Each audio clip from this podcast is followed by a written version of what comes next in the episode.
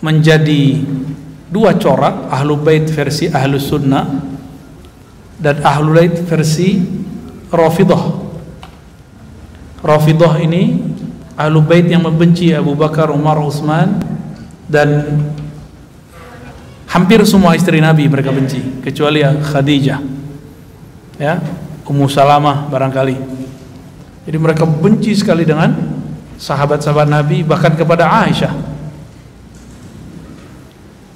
Dulu kalau disebut Syiah itu positif, tidak ada masalah. Di zaman dulu Syiah itu pengikut Ali, lawan Muawiyah itu politik. Belakangan gerakan ini menjadi sebuah akidah. Maka ada beberapa zuriat Nabi protes kepada saya. Semua Habib itu Syiah. Saya tanya Syiah apa dulu Syiah? Mahabbah pengikut Sayyidina Ali atau Syiah Rafidah? Saya tanya gitu. Kalau cinta Sayyidina Ali, maka semua kita Syiah. Ya enggak? Benar, antum cinta Sayyidina Ali enggak? Kita semua cinta Sayyidina Ali, tapi jika cinta Sayyidina Ali membenci sebagian sahabat, maka itu tidak termasuk Syiah yang kita maksud. Ya. Jadi Syiah itu sebuah istilah politik yang kemudian berubah menjadi istilah agama.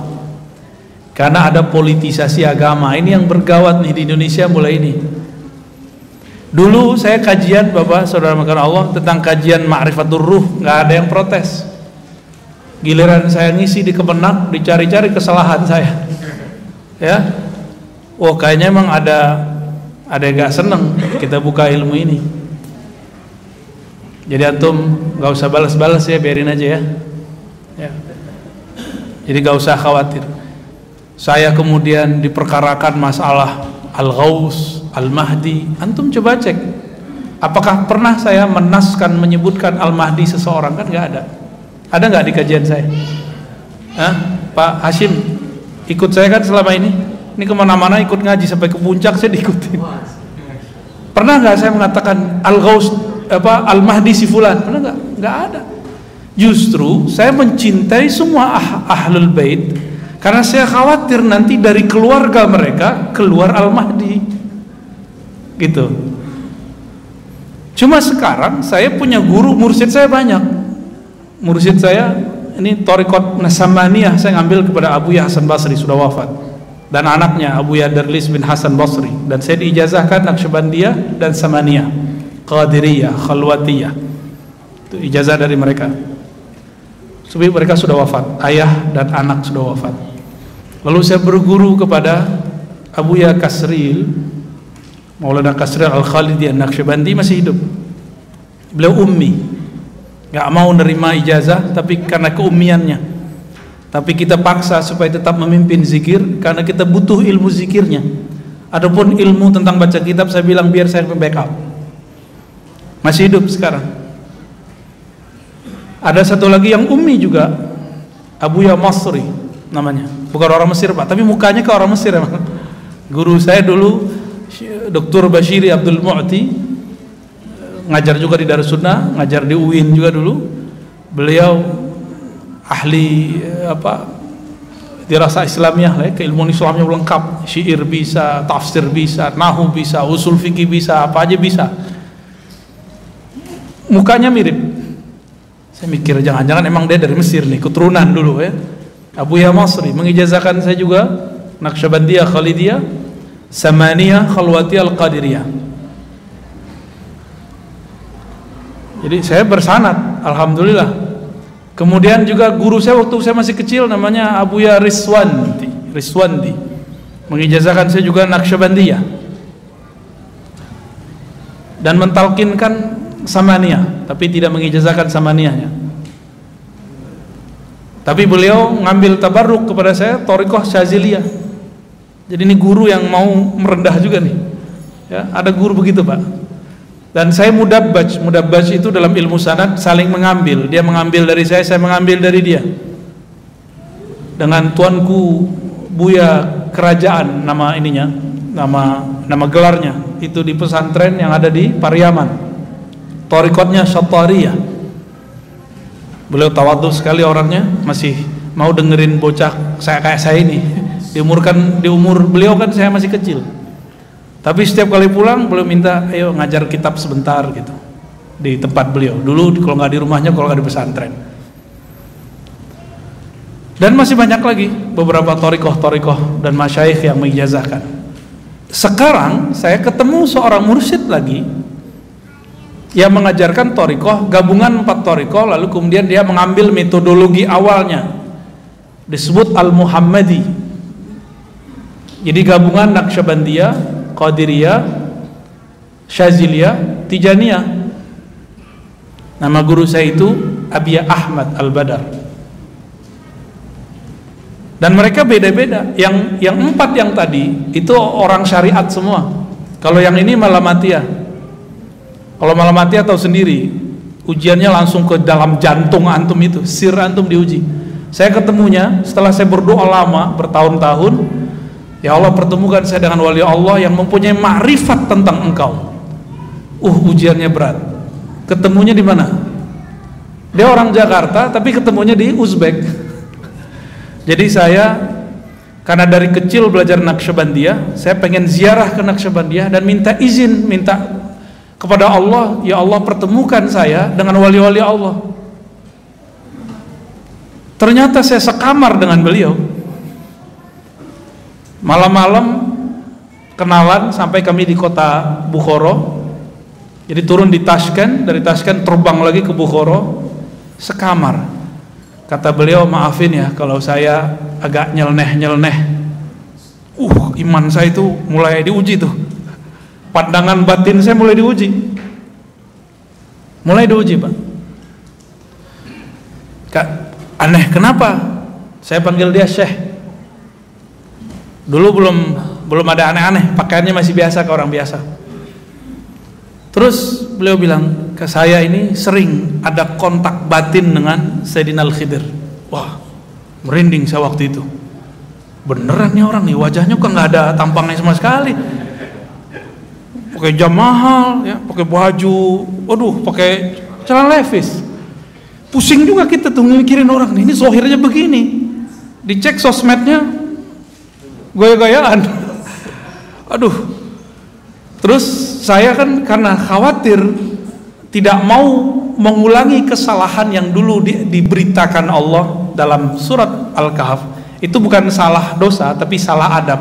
Sayyidina Musa. Sayyidina Musa ingkar gak ke Nabi Khidir? Ya saya nggak mau mengingkari hal yang sama lagi. Maka saya dalam hati ya Allah jika ini benar tolong kasih saya pertanyaan yang membuat dia tidak tersinggung. Maka saya bertanya, Syekh, kalau saya ketemu Nabi Khidir dalam batin, di, di rom rohani, itu cara taunya gimana? Itu bahasa halus daripada saya mau nanya gini ke dia. Muka kayak kamu ketemu Nabi Khidir, tahu dari mana tuh Nabi Khidir gitu. mau nanya begitu, tapi batin saya mengatakan tanya baik-baik. Siapa tahu dia beneran. Maka saya bertanyalah, Syekh, kalau saya yang ketemu Khidir, Balia bin Mulkan, itu tahu benernya gimana? Langsung dia tunjuk dada saya, kamu kan punya sir dalam dirimu.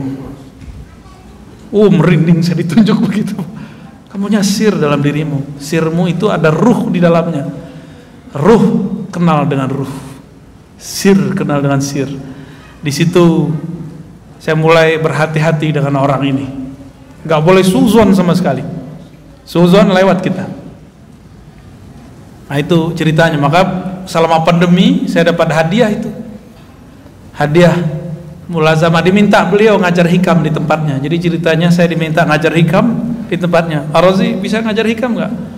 Oh siap. Saya ngajar hikam lah di sana. Waduh saya diuji pak. Ngajar hikam orangnya main PS Hikam kan mengajarkan berbaik sangka, benar nggak? Dia main PS, saya bisa nggak baik sangka sama dia? Selesai saya ngajar hikam, saya duduk bersama beliau, nemenin beliau main PS. Ternyata beliau ini satu napas nggak pernah lupa kepada Allah Subhanahu Wa Taala. Jadi ketika main segala macam, ter ada sirnya turun diambil kertas dia tulis. Saya mau nanya waktu itu, Syekh, ente tahu nama ruh, dalilnya mana? Ada nggak ulama terdahulu yang ngomong nama ruh? Jadi dulu saya termasuk meragukan nama ruh. Ya, termasuk yang meragukan nama ruh. Dan itu kepala saya mau pecah, Pak, mau ngomongin masalah nama ruh. Karena selama ini saya belajar toriko, saya asli belajar toriko dan dapat ijazah kemursidan. Beda dengan orang di luar sana yang anti dengan masalah ini, dia belajar torikohnya cuma lihat kitab atau cuma baca rotip-rotip aja. Gak pernah suluk 40 hari, gak pernah suluk sekian hari, gak pernah ikut suluk tarekat apa. Saya ngikutin dan emang gak ketemu dalam kitab-kitab yang pernah saya baca. Ternyata saya kurang baca kitab. Ada ternyata. Kata beliau ente cari lagi main PS. Ini orang gak pernah nyantri pak tapi dia bilang saya belajar kitab tasawuf bukan di sini, tapi di alam lain. Wah, kan pusing lagi kita. Selama ini saya kan tahu nama kitabnya Gunyah karya Syekh Abdul Qadir Jilani. Lagi habis main PS dia bilang tutup. Kamu kalau ragu bab ruh, padahal saya nggak nanya pak, cuma di hati doang. Kamu kalau ragu masalah ruh cari kitab Syekh Abdul Qadir Jilani, buka kitab Al-Ghunyah. Kitab apa? Al-Ghunyah. Saya mikir kapan orang ini baca kitab Ghunyah? Kitab itu saya udah punya cuma nggak tahu waktu pindahan nggak ketemu. Saya beli lagi itu kitab. Bener sekarang dua eksemplar saya punya ketemu lagi itu kitab. Jadi saya beli kitab itu seminggu setelah dari ketemu. Saya waktu itu datang sekali seminggu. Udah hampir khatam nggak ketemu ketemu tambah shock di hati nih oh kayaknya nih asal tebak-tebakan doang nih. Tapi kemudian masih ada sisa seperti lima lagi belum saya baca. Tutuplah. Kirim dulu fatihah ke Nabi SAW al-fatihah liruhin Nabi SAW lalu saya fatihain juga beliau yang bilang itu. Kalau ente benar nih pasti ketemu langsung nih. Benar saya buka ketemu halaman itu langsung. Tapi ketika buka itu saya udah bolak-balik belum paham juga. Baca balik.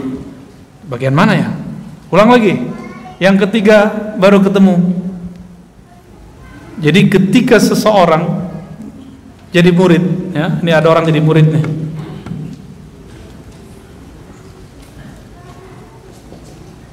Murid itu bahasa Arab artinya yang berkehendak mengenal Allah.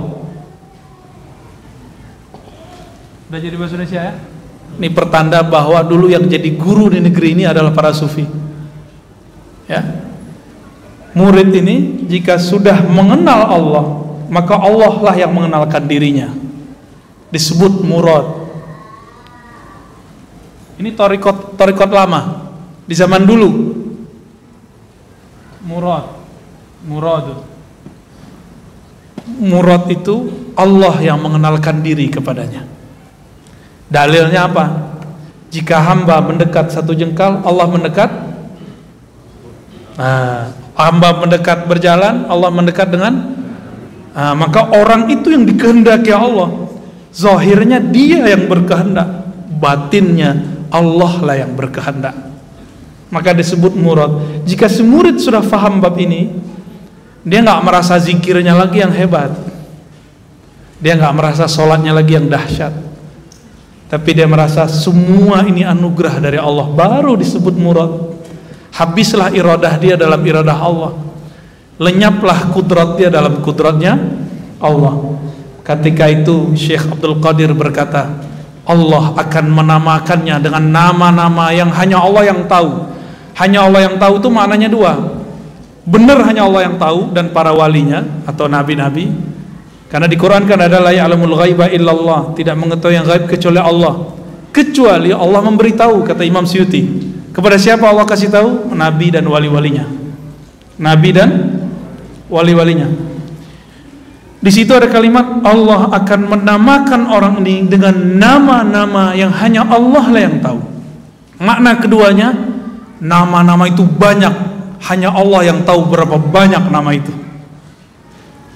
Ternyata ini kan teman kita nih Bang Dodo juga berguru kepada Syekh Hisham. Kata Syekh Hisham juga sama ya. Satu orang bisa punya nama lebih dari satu.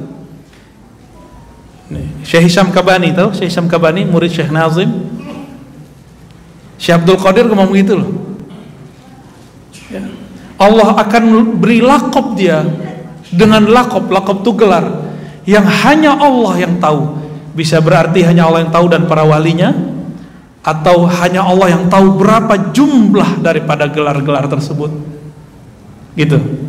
Dan itu semuanya gelar-gelar dan nama-nama makom dan ma'rifat di situlah saya kemudian tambah tasdik. Itu belum tasdik bener masih proses.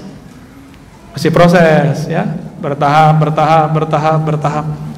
Maka teman-teman apa yang diragukan oleh kawan-kawan saya para asati sekarang saya memaklumi dan saya tidak marah. Ya jadi antum para dai para masyayikh mungkin sebagian habaib yang meragukan ini saya tidak akan marah saya tidak akan suuzon. Mungkin ada bahasa saya yang belum lengkap yang saya sampaikan sehingga antum ingkar dan saya tidak akan marah. Maafkan jika ada kalam yang kurang pas. Maka sekarang saya buka kitabnya itu Sebenarnya kalau mengikuti kajian saya dari awal, di ribat kita sudah buka. Ya, di ribat sudah lengkap. Ada ngikutin channel ribat? Ikutin yang awal-awal. Yang awal-awal itu masih ada kajian tentang kitab yang menyebutkan nama ruh. Bahkan kita tampilkan di situ kitabnya. Ya. Jadi nanti salah satu apa persoalan yang akan di, di, saya dikritik ya, masalah nama ruh. Dan perlu diketahui teman-teman, ini bukan bab akidah. Ini cuma bab tasawuf. Sebagaimana di fikih ada perbedaan, di mazhab Asy'ari ada perbedaan, dalam tasawuf juga ada perbedaan. Kalau tidak percaya, tidak apa-apa. Termasuk istilah ghaus. Apa arti ghaus? Ghaus itu wali. Ini ulama beda definisi, ada yang mengatakan makhluk menyandarkan kepada doanya karena doanya lah makhluk diberkahi. Itu terjemahan kitab-kitab lama. Tapi kalau saya menerjemahkan Al-Ghaus adalah orang yang paling kenal Allah. Namanya sifatnya afalnya bahkan zatnya. Itu disebut wali al-Ghaus. Kok begitu jika dia kenal Allah baru dia bisa meminta kepada Allah dengan begitulah doanya mustajab. Baru nyambung dengan definisi ulama yang lama. Gitu. Jadi ketika saya mengambil ini dari hadis Nabi ketika ada seseorang sahabat berdoa doanya lucu antum pasti dengarnya lucu. Allahumma ya ahad. Uh, kalimat gimana? La ilaha illa anta lam talid wa lam tulad. Nas'aluka bi annaka la ilaha illa anta. Anta samad lam talid wa lam tulad wa lam takun lahu kufuwan ahad. Lucu enggak bunyinya? Wa lam talid wa lam tulad. Orang awam dengarnya wa lam tulad. Lucu enggak dengarnya antum biasa dengar apa? Lam yalid wa lam yulad. Kalau ya dia. Kalau tak engkau. Ya Allah kami meminta kepada engkau yang maha ahad, yang maha samad yang tidak melahirkan dan dilahirkan. Talid melahirkan tulat engkau dilahirkan. Berarti tidak perlu asbab. Walam takun lahu kufuan walam takun laka kufuan ahad. Tidak ada yang sebanding denganmu. Kata Nabi orang ini meminta dengan nama yang disebut ismul azam. Nama yang agung yang mana jika nama ini dibaca maka doa akan dijabah. Berarti orang-orang yang disebut wali itu orang yang kenal Allah. Maka derajat kewalian itu empat. Derajat wali kenal nama wali kenal afal perbuatan wali kenal sifat wali kenal sir zat. Bukan hakikat zat sir zat ya Paham di situ? Ya. Nah, yang kita pelajari di akidatul awam adalah sifat. Sifat Allah, ya. Yang kemudian dimulai dari sifat zat itu wujud. Nah, di sini kita mulai nomor 5 aja ya. Karena pada lupa semua kan? Ya, benar. Bait nomor 5 wa ba'du fa'lam bi wujubil ma'rifah min wajibin lillahi 20 sifah. Ketahuilah yang mesti diketahui yang mesti diketahui oleh kita bukan oleh Allah. Min di antara yang wajib diketahui Allah memiliki 20 sifat. Bagi siapa diketahui bagi kita. Sifat Allah banyak nggak? Antum nanti saya sebut beberapa nama aja udah pusing ntar. Gimana kalau kita ajarin semua sifat? Ya, kiamat kayak belum udah nyampe, belum selesai-selesai itu. Jadi 20 sifat itu bukanlah batasan nama Allah. Tolong diingat-ingat. 20 sifat bukan batasan nama Allah 20 sifat itu kira-kira batas akal kita kuat memahaminya. Paham di situ ya? Oke. Yang pertama apa? Fallahu mawjudun. Allah itu mawjud. Nah, wujud itu ada dua. Boleh mancung dibantu hapus. Fallahu mawjudun. Allah itu mawjud. Apa arti mawjud dalam bahasa Indonesia? Ada Maujud itu nama yang ada. Sifatnya disebut wujud. Maka kita sering menyebut wujud kidam Bukan Allah maujud kan? Wujud kidam baka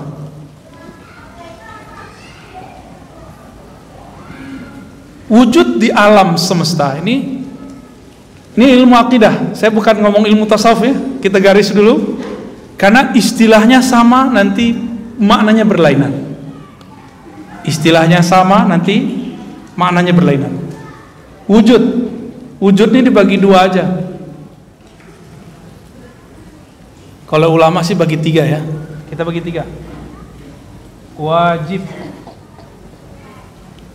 Disebut wajibul wujud. Yang mesti ada. Yang tidak mungkin tidak ada ulama ahli akidah ahli kalam menggunakan akal dan nakal. Akal nakal Quran dalil teks. Untuk menetapkan wajib wujudnya Allah. Allah itu wujudnya gimana sih? Jadi gimana metodenya? Akal dan nakal. Tapi coba antum ngomong sama non muslim bisa nggak pakai surat kulhu dia nggak percaya maka akalnya dulu yang ditembak. Ya kita ajak dia mikir mungkinkah air ini ada tidak ada yang buat? Nggak mungkin. Ini orang-orang non muslim nih yang ateis. Mungkinkah masjid ini tiba-tiba terjadi aja? Dia pasti bilang nggak mungkin. Kita gedein lagi. Mungkinkah bumi ini tidak ada yang buat? Oh nggak mungkin. Mesti ada. Jika satu botol ini aja ada yang buat masa alam semesta nggak ada yang buat. Maka ini disebut wajibul wujud. Mesti ada. Mustahil tidak ada. Mustahil tidak ada. Itu kalau di matematika negatif kali negatif. Jadi apa? Itu yang disebut wajib wajibul wujud. Yang wajib wujudnya. Yang akal kita akan mustahil mengatakan dia tidak ada. Cuma akal hanya sampai mengatakan dia ada titik gitu. Terusannya dia mesti menggunakan dalil-dalil Al-Quran dan Sunnah. Inilah kehebatan ahlul kalam. Perbedaannya dengan filsafat filsafat sampai kepada keyakinan bahwa alam ini ada yang mencipta. Karena filsafat itu dulu juga turunan ajaran para nabi. Tidak seperti yang dikarang-karang oleh kelompok anti filsafat yang mengatakan filsafat ini buatan Aristo bukan. Filsafat itu dulu sudah ada semenjak zaman-zaman para nabi. Aristoteles dalam riwayat yang dinukil oleh Syahrostani adalah seorang murid yang terhubung kepada Nabi Sulaiman. Nabi Sulaiman nabi bukan? Gimana? Kira-kira mau asih mau anti filsafat? Ya. Kita cuma anti filsafat filsafat yang yang membuat kita mengingkari Allah gitu. Jika ada ya biarin aja. Tapi kita nggak butuh kok filsafat. Kita sudah ada ilmu akidah. Antum sudah punya ilmu akidah. Tapi kalau mau tahu, saya dosennya. Tapi juga dosen hadis. Lebih lama ngaji hadis itu aja bedanya. Maka saya tidak menghadas-hadaskan filsafat karena kita tahu hakikat filsafat itu apa. Nggak seperti yang dibayangkan mereka. Ya? Ini wajib. Dan yang wajib wujud itu cuma Allah subhanahu wa ta'ala. Ada wujud yang lain.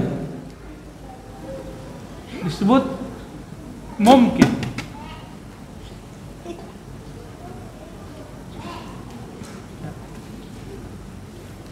mungkin apa arti mungkin bisa jadi ada, bisa jadi tidak ada.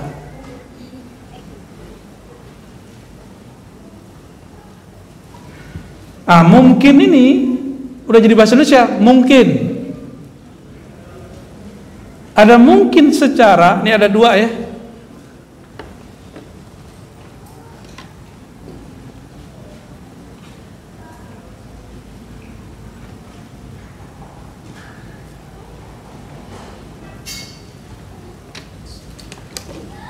eksak gimana cara nulisnya? Kita sebut uh, bahasa Arabnya aja. Tabi'i.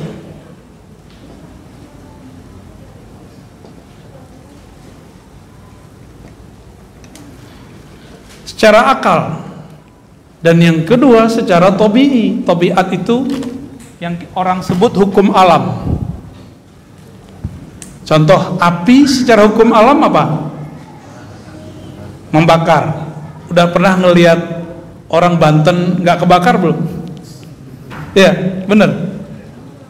Terus kalau Nabi Ibrahim nggak kebakaran tuh percaya nggak? Berarti secara tobi'i api membakar, tapi akal kita bilang pernah kok sesuatu seseorang dibakar api tapi tidak terbakar maka akal kita tunduk kepada Quran karena Quran itu dibangun atas wahyu yang pasti diterima akal. Makanya Al-Quran mengatakan afalata qilun apakah engkau tidak berakal?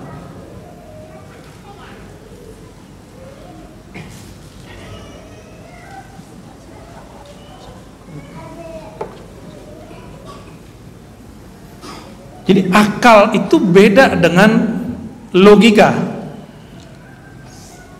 Akal beda dengan logika. Logika itu bahasa Arabnya mantik.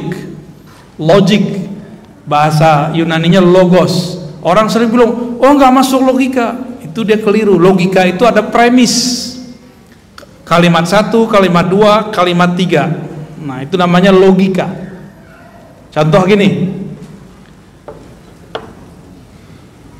Bumi ini jangan pakai bumi. Segala sesuatu yang berubah-ubah itu dicipta.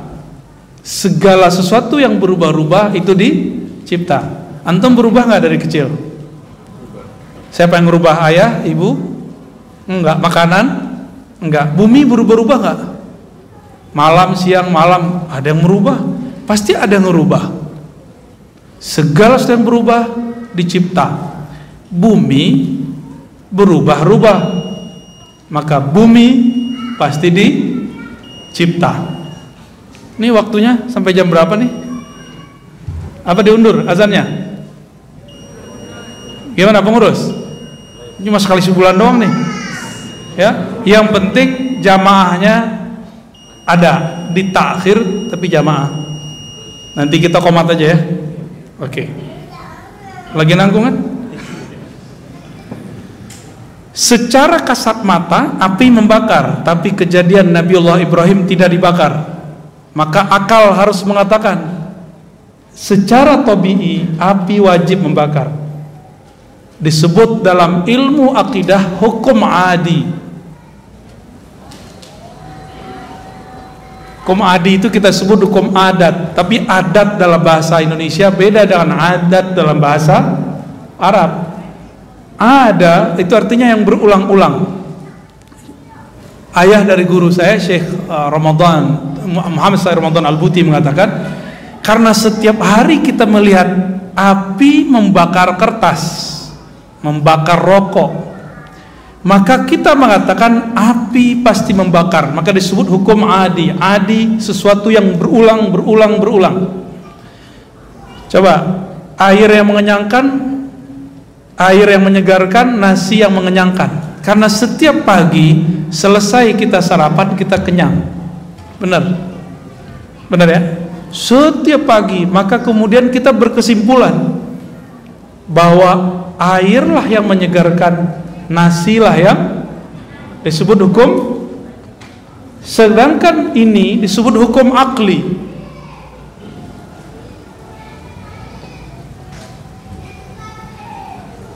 afala ta'qilun kata Allah. Hukum akli. Hukum akli dia melihat celah bahwa sebenarnya bukan air yang menyegarkan. Kenapa? Bukan air yang membuat kita kemudian masih bertahan hidup.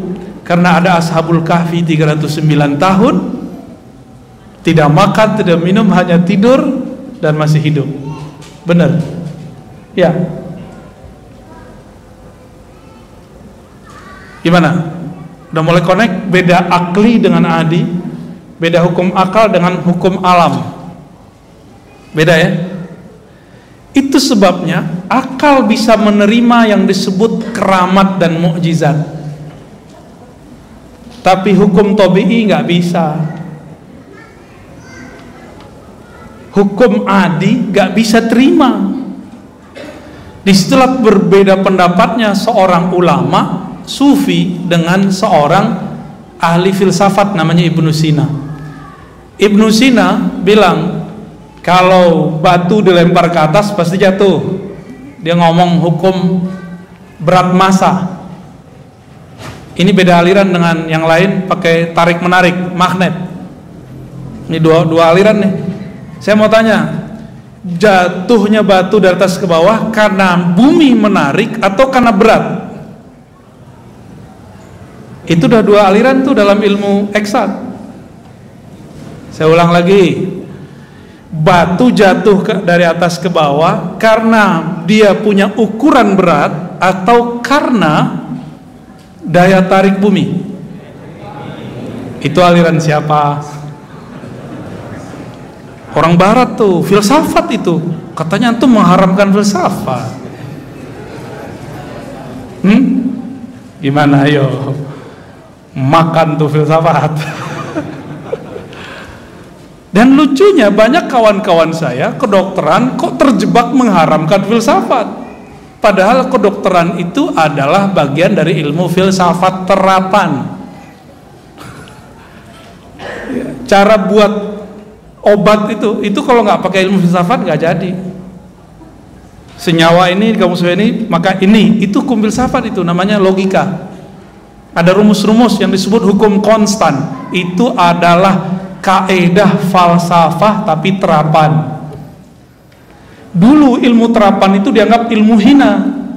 Oleh karenanya Jelinus orang yang jenius ahli kedokteran tidak lebih terkenal daripada Aristoteles. Pusing lah antum ya dengan nama-nama tadi. Ini gimana nih? Kata si Sufi, nih saya lempar nih batu, gak turun-turun pak batunya. Dilempar batu gak turun-turun, nyangkut di atas. Dilihat, oh iya gak turun. Tapi Ibnu Sina orangnya dia pendiriannya di sini. Apa kata dia? Secara hukum alam, batu mesti jatuh ke bumi. Tapi karena engkau mempunyai kekuatan yang dititipkan Allah kepada dirimu, engkau bisa menahannya. Wah, di situlah saya mulai jatuh cinta kepada Ibnu Sina. Dan tidak lagi mengkafirkan dia meskipun ada pandangan yang mesti dikoreksi. Orang terdahulu ini kan mereka menemukan satu pengetahuan yang mesti kita kembangkan sekarang. Bukan berarti yang dulu harus begitu enggak. Mereka juga berbicara ilmu yang sebelum mereka enggak ada. Maka saya sekarang dengan kawan-kawan beberapa mengajak ayo ini definisi di kitab belum selesai ya kita selesaiin Ini kaidah di kitab sudah banyak yang berubah faktanya. Mari kita tambahkan kaidah-kaidah baru. Karena kaidah-kaidah yang kita baca di kitab-kitab lama itu cocoknya adalah untuk masa sebelum ada internet. Ya, itu yang kita ajak kawan-kawan ya. Secara akal maka nanti dibagi lagi ada wajib akli, ada ya, ada mustahil akli. Mungkinkah alam ini ada tanpa pencipta? Akal bilang apa? Ini tap, ini mic ada dengan sendirinya, bisa nggak? Mungkin nggak?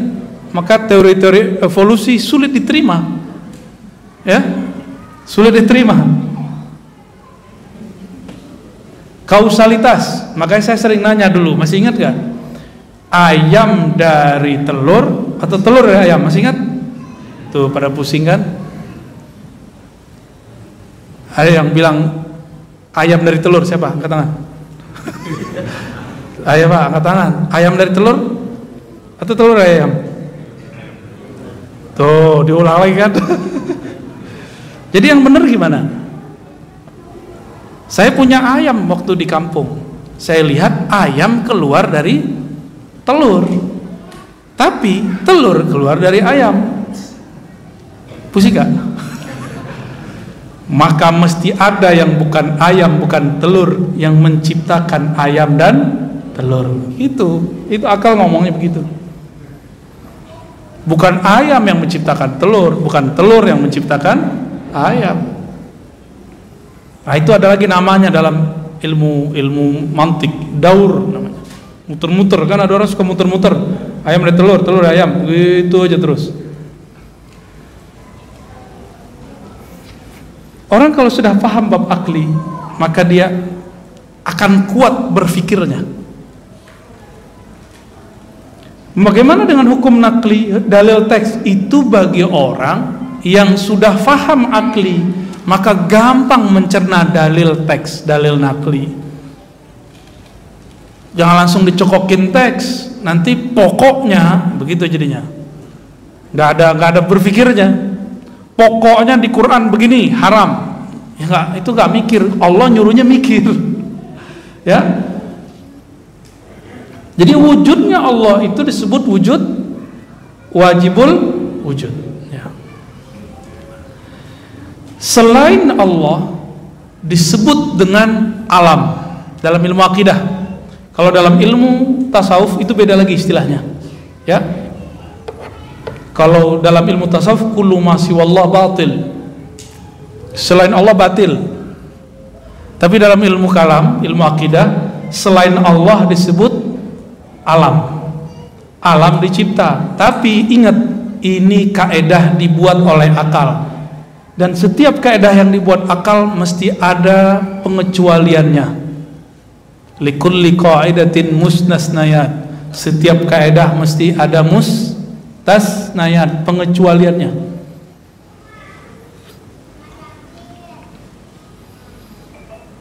Ketika kita mengatakan bahwa alam ini ada, alam ini apa?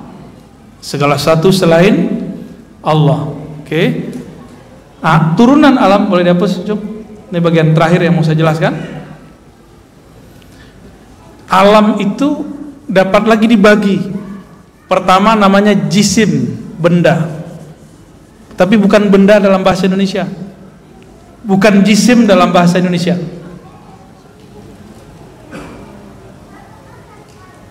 Alam itu mungkin. Ya, bagian dari mungkin.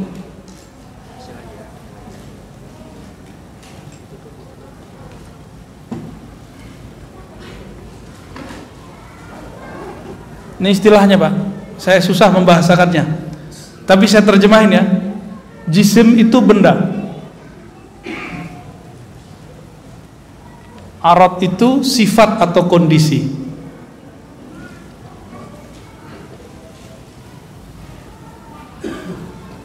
Ini terjemahan paksaan ya.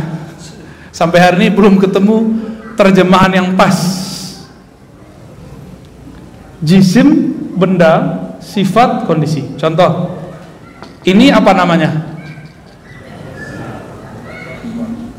Whiteboard. Oke, papan tulis putih itu aja itu bahasa Inggris pak. Papan tulis bener nggak?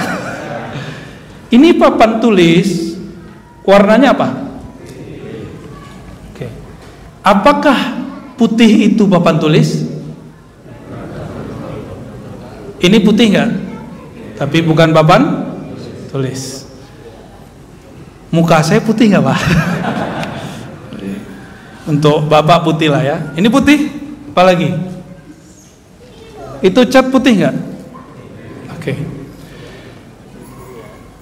Sifat atau kondisi salah satunya warna. Di warna disebut dengan arad dia ada pada benda. Benda itu dibagi dalam ilmu akidah jadi dua, benda kasar, benda halus. Saya tambahkan yang ketiga, nuriyun. Cahaya. Jadi di kitab cuma dua, Pak. Kasar, halus, cahaya. Ini ini jitihad, bisa jadi salah, bisa jadi benar, tapi insya Allah ini benar. Kasar, halus, nuriyun, bersifat seperti cahaya. Kasar contoh, ini kasar apa halus? Kasar. Bertempat nggak? Halus udara. Udara bertempat nggak? Gak bertempat pak udara salah satu sifat udara masuk seperti air. Dia masuk ke tempat yang kurang masa udaranya seperti air. Kadang udara itu ada kelembabannya ada airnya pak.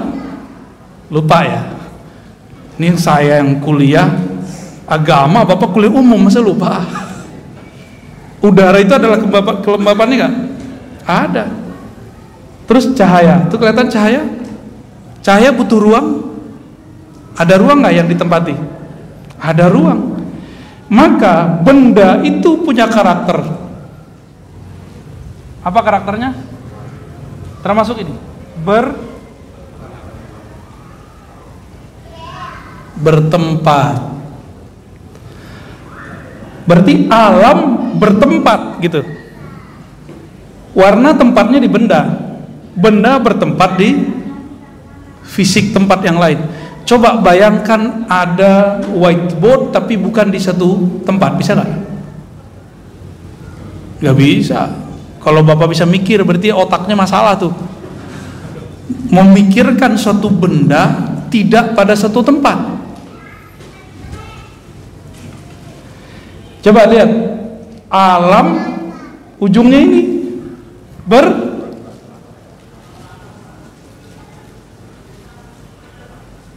Itu maksud kajian kenapa dipisah jadi dua? Ya? Kenapa ini dipisah?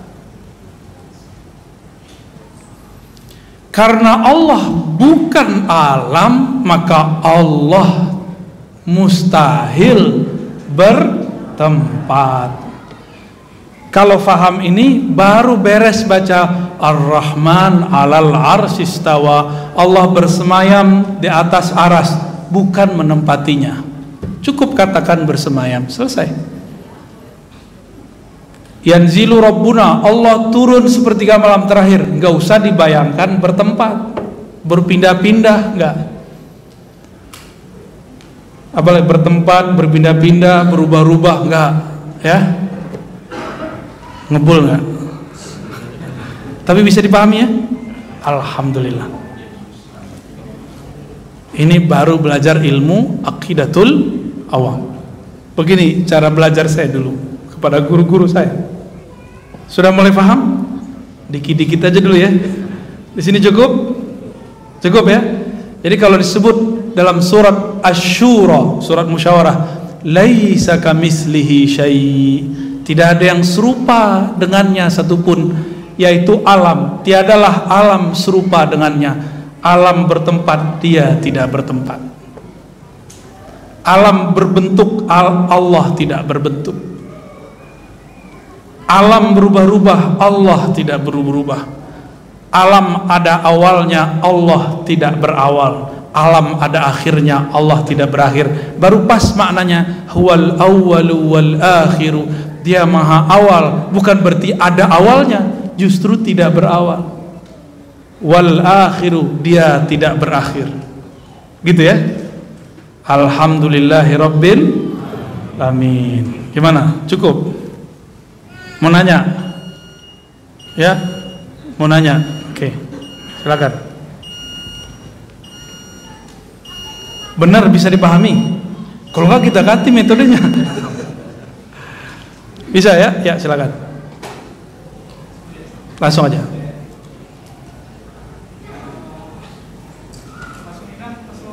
Indonesia aja karena ini orang Indonesia.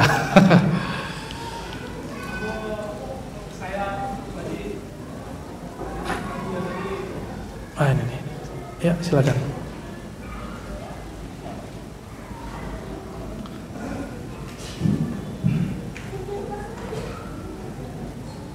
Assalamualaikum warahmatullahi wabarakatuh. Assalamualaikum warahmatullahi wabarakatuh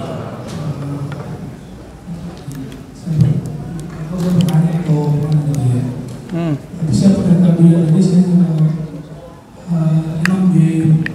saya waktu dia masih itu satu saya. Maksudnya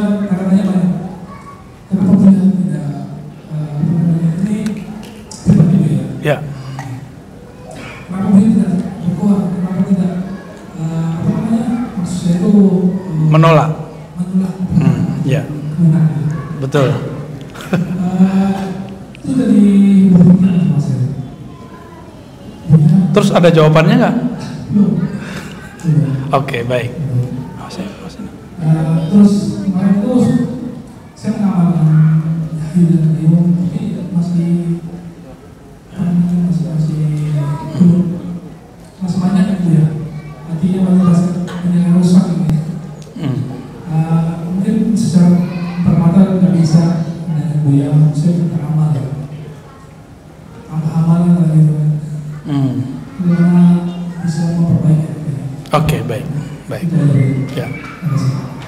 Antum nanya kayak beliau juga nggak? Kenapa saya ngisi di Kemenang?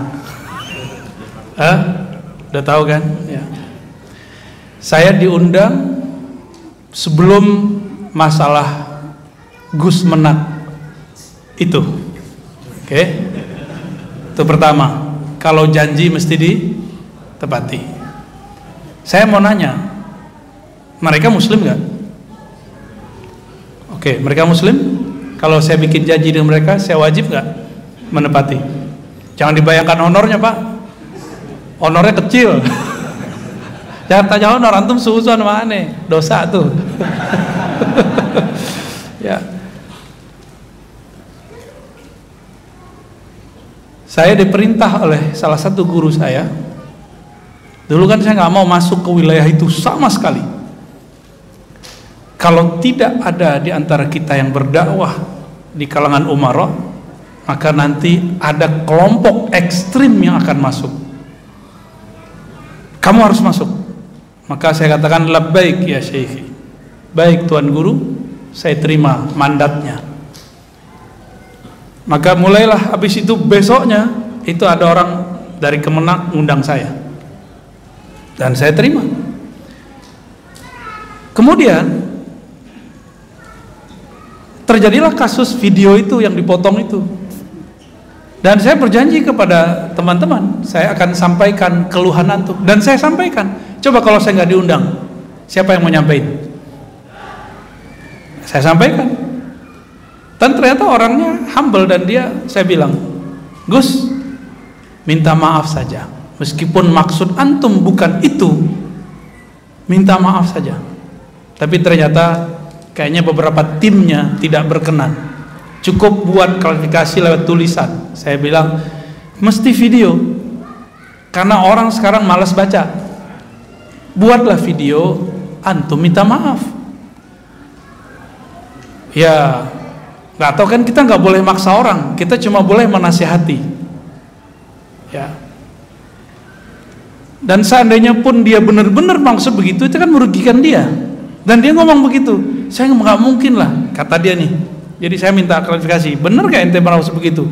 Aduh buya katanya. Saya ini kan orang Nahdiyin yang paling berisik pakai toa kan orang NU benar gak bukan orang Muhammadiyah bukan orang Salafi bukan Ikhwani yang paling berisik itu NU karena orang NU ini suka beragama tuh rame asik. Benar gak kayaknya rame gitu seru gitu. Hidup negeri itu kayak rame justru kalau saya konsisten dengan ini bahwa maksud saya adalah syiar-syiar ini saya yang rugi kan saya orang NU katanya. Ya terserah walau alam. Yang penting kalam-kalam eh, nasihat saya sampaikan. Kalam nasihat saya sampaikan. Dan nyampe nasihat kasar-kasar atau lembut kalau kita nasihatin orang? Atau ngomong lewat YouTube? Woi orang kafir eh menak kafir gitu nggak ngomongnya? Itu bukan ngasih nasihat itu namanya caci maki. Kalau ngasih nasihat jangankan kepada menak. Sayyidina Musa diperintah untuk ngomong kepada Fir'aun ngomong baik-baik. Benar gak? padahal Fir'aun sudah ngaku jadi Tuhan. Inilah perbedaan manhaj yang diajarkan guru-guru kami dengan ya yang mereka itu kawan-kawan saya semenjak saat itulah mulai muncul tuh kajian ruh dipermasalahkan. Berarti tadi nggak ada masalahnya. Nggak ada yang mempermasalahkan. Ya nggak masalah sih. Memang ini sudah sudah hak dan kewajiban saya. Dan memang sudah hak saya dapat ujian ini. Jadi nggak ada masalah. Dan saya nggak menyesal sama sekali. Ya. Dan kita akan teruskan.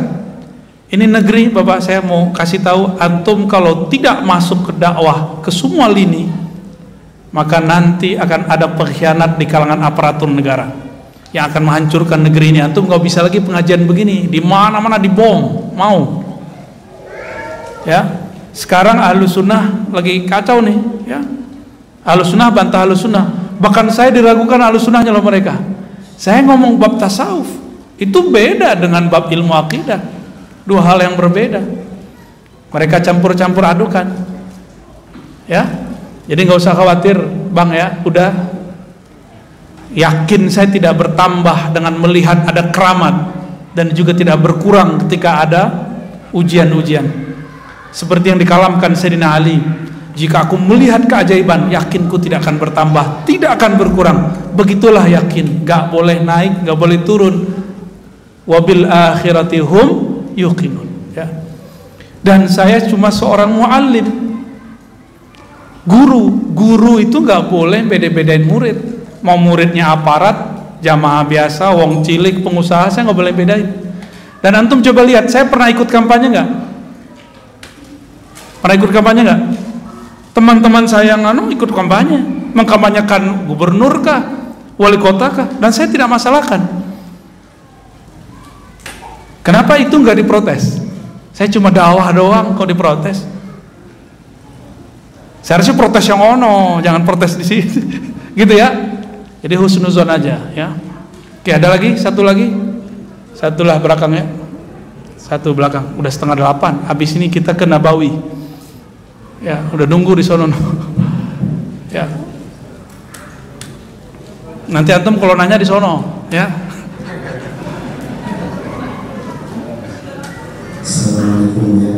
Assalamualaikum ya. Saya menanyakan yang pertama daripada konsep Made Pasari hmm. yang selalu bersikap wasatiyah hmm. tengah-tengah adalah konsep asal. Hmm. Mohon beliau gambarkan konsep tersebut dengan ibarat yang mudah dipahami bagi orang awam seperti saya. Baik. Assalamualaikum warahmatullahi wabarakatuh. Ini 12 SKS nih. Tapi saya kasih yang clue yang mudah ya insya Allah ya. Coba angkat tangannya. Semua. Itu antum yang angkat, Pak Allah yang angkat. Hah? Siapa yang angkat? Ah, ah. Sadar nggak ngangkat tangan tadi? Kesadaran itu disebut kasab.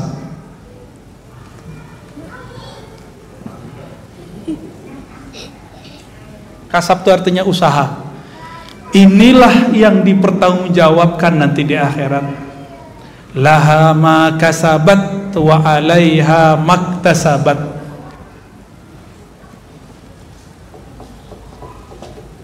Paham? Gampang ya jadi Nabi Khidir ketika bunuh anak kecil itu nggak pakai kasab dia. Dia bukan lagi dia gitu. Tapi dia. Nah, kan pusing tuh hanya ilmu tasawuf yang bisa menjelaskan. Ilmu ini nggak bisa. Maka ilmu kalam ada batasnya. Oke? Okay? mudah dipahami? Coba antum ngelirik seorang cewek yang buka aurat. Matanya ngelirik. Atau matanya ditarik oleh orang itu. Siapa yang salah? Mata kita yang ngelirik. Kita melirik dia itu disebut kasab itu yang kita tanggung jawab di hadapan Allah nanti. Oke? Okay? Sudah paham? Nah, ini versi gampangnya. Kalau versi sulitnya nanti ada namanya Jabariyah, ada Qadariyah, ada ikhtiar, ada ada kudro, ada irada, ada kun, ada fayakun, macam-macam. Iya, pecah tar kepala aja. Pelan-pelan Pak ya, karena ilmu ini mesti saya suapin pelan-pelan. Karena ilmu ini dulu adalah santapan santri di, di pesantren, santapan mahasiswa di kampus. Sekarang saya turunin karena saya anggap masjid ini pesantren terbuka.